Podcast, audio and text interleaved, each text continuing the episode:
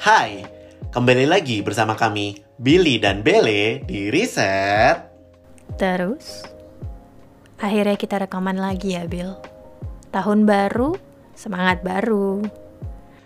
Betul sekali, Bel. Bagaimana kabar sahabat periset? Semoga sehat, baik fisik maupun mental ya semuanya. Tidak seperti biasanya, pada kesempatan ini kami tidak akan mewawancarai seorang sahabat periset. Ada pengumuman mengenai masa depan riset terus. Di tengah pandemi, menjadi sulit untuk melakukan wawancara.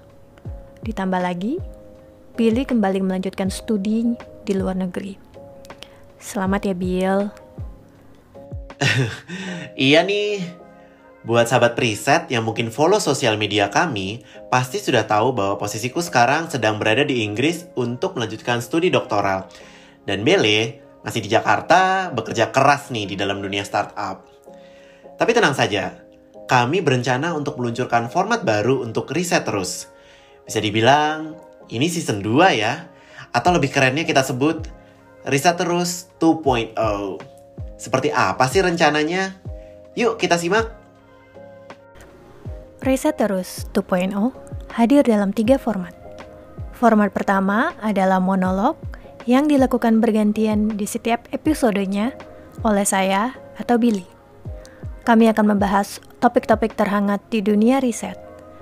Seperti biasa, Billy akan mengulas tentang riset di dunia akademik, dan saya akan mengulas tentang riset di dunia industri.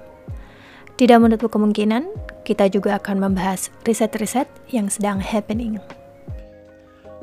Format kedua bertajuk Apa sih yang sahabat periset baca?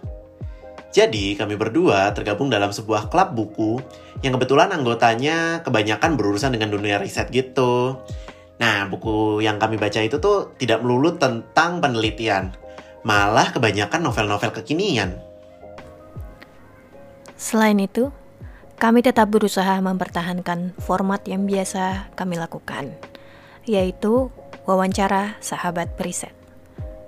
Karena perbedaan jarak dan waktu, kami akan melakukan wawancara masing-masing selama masa LDR.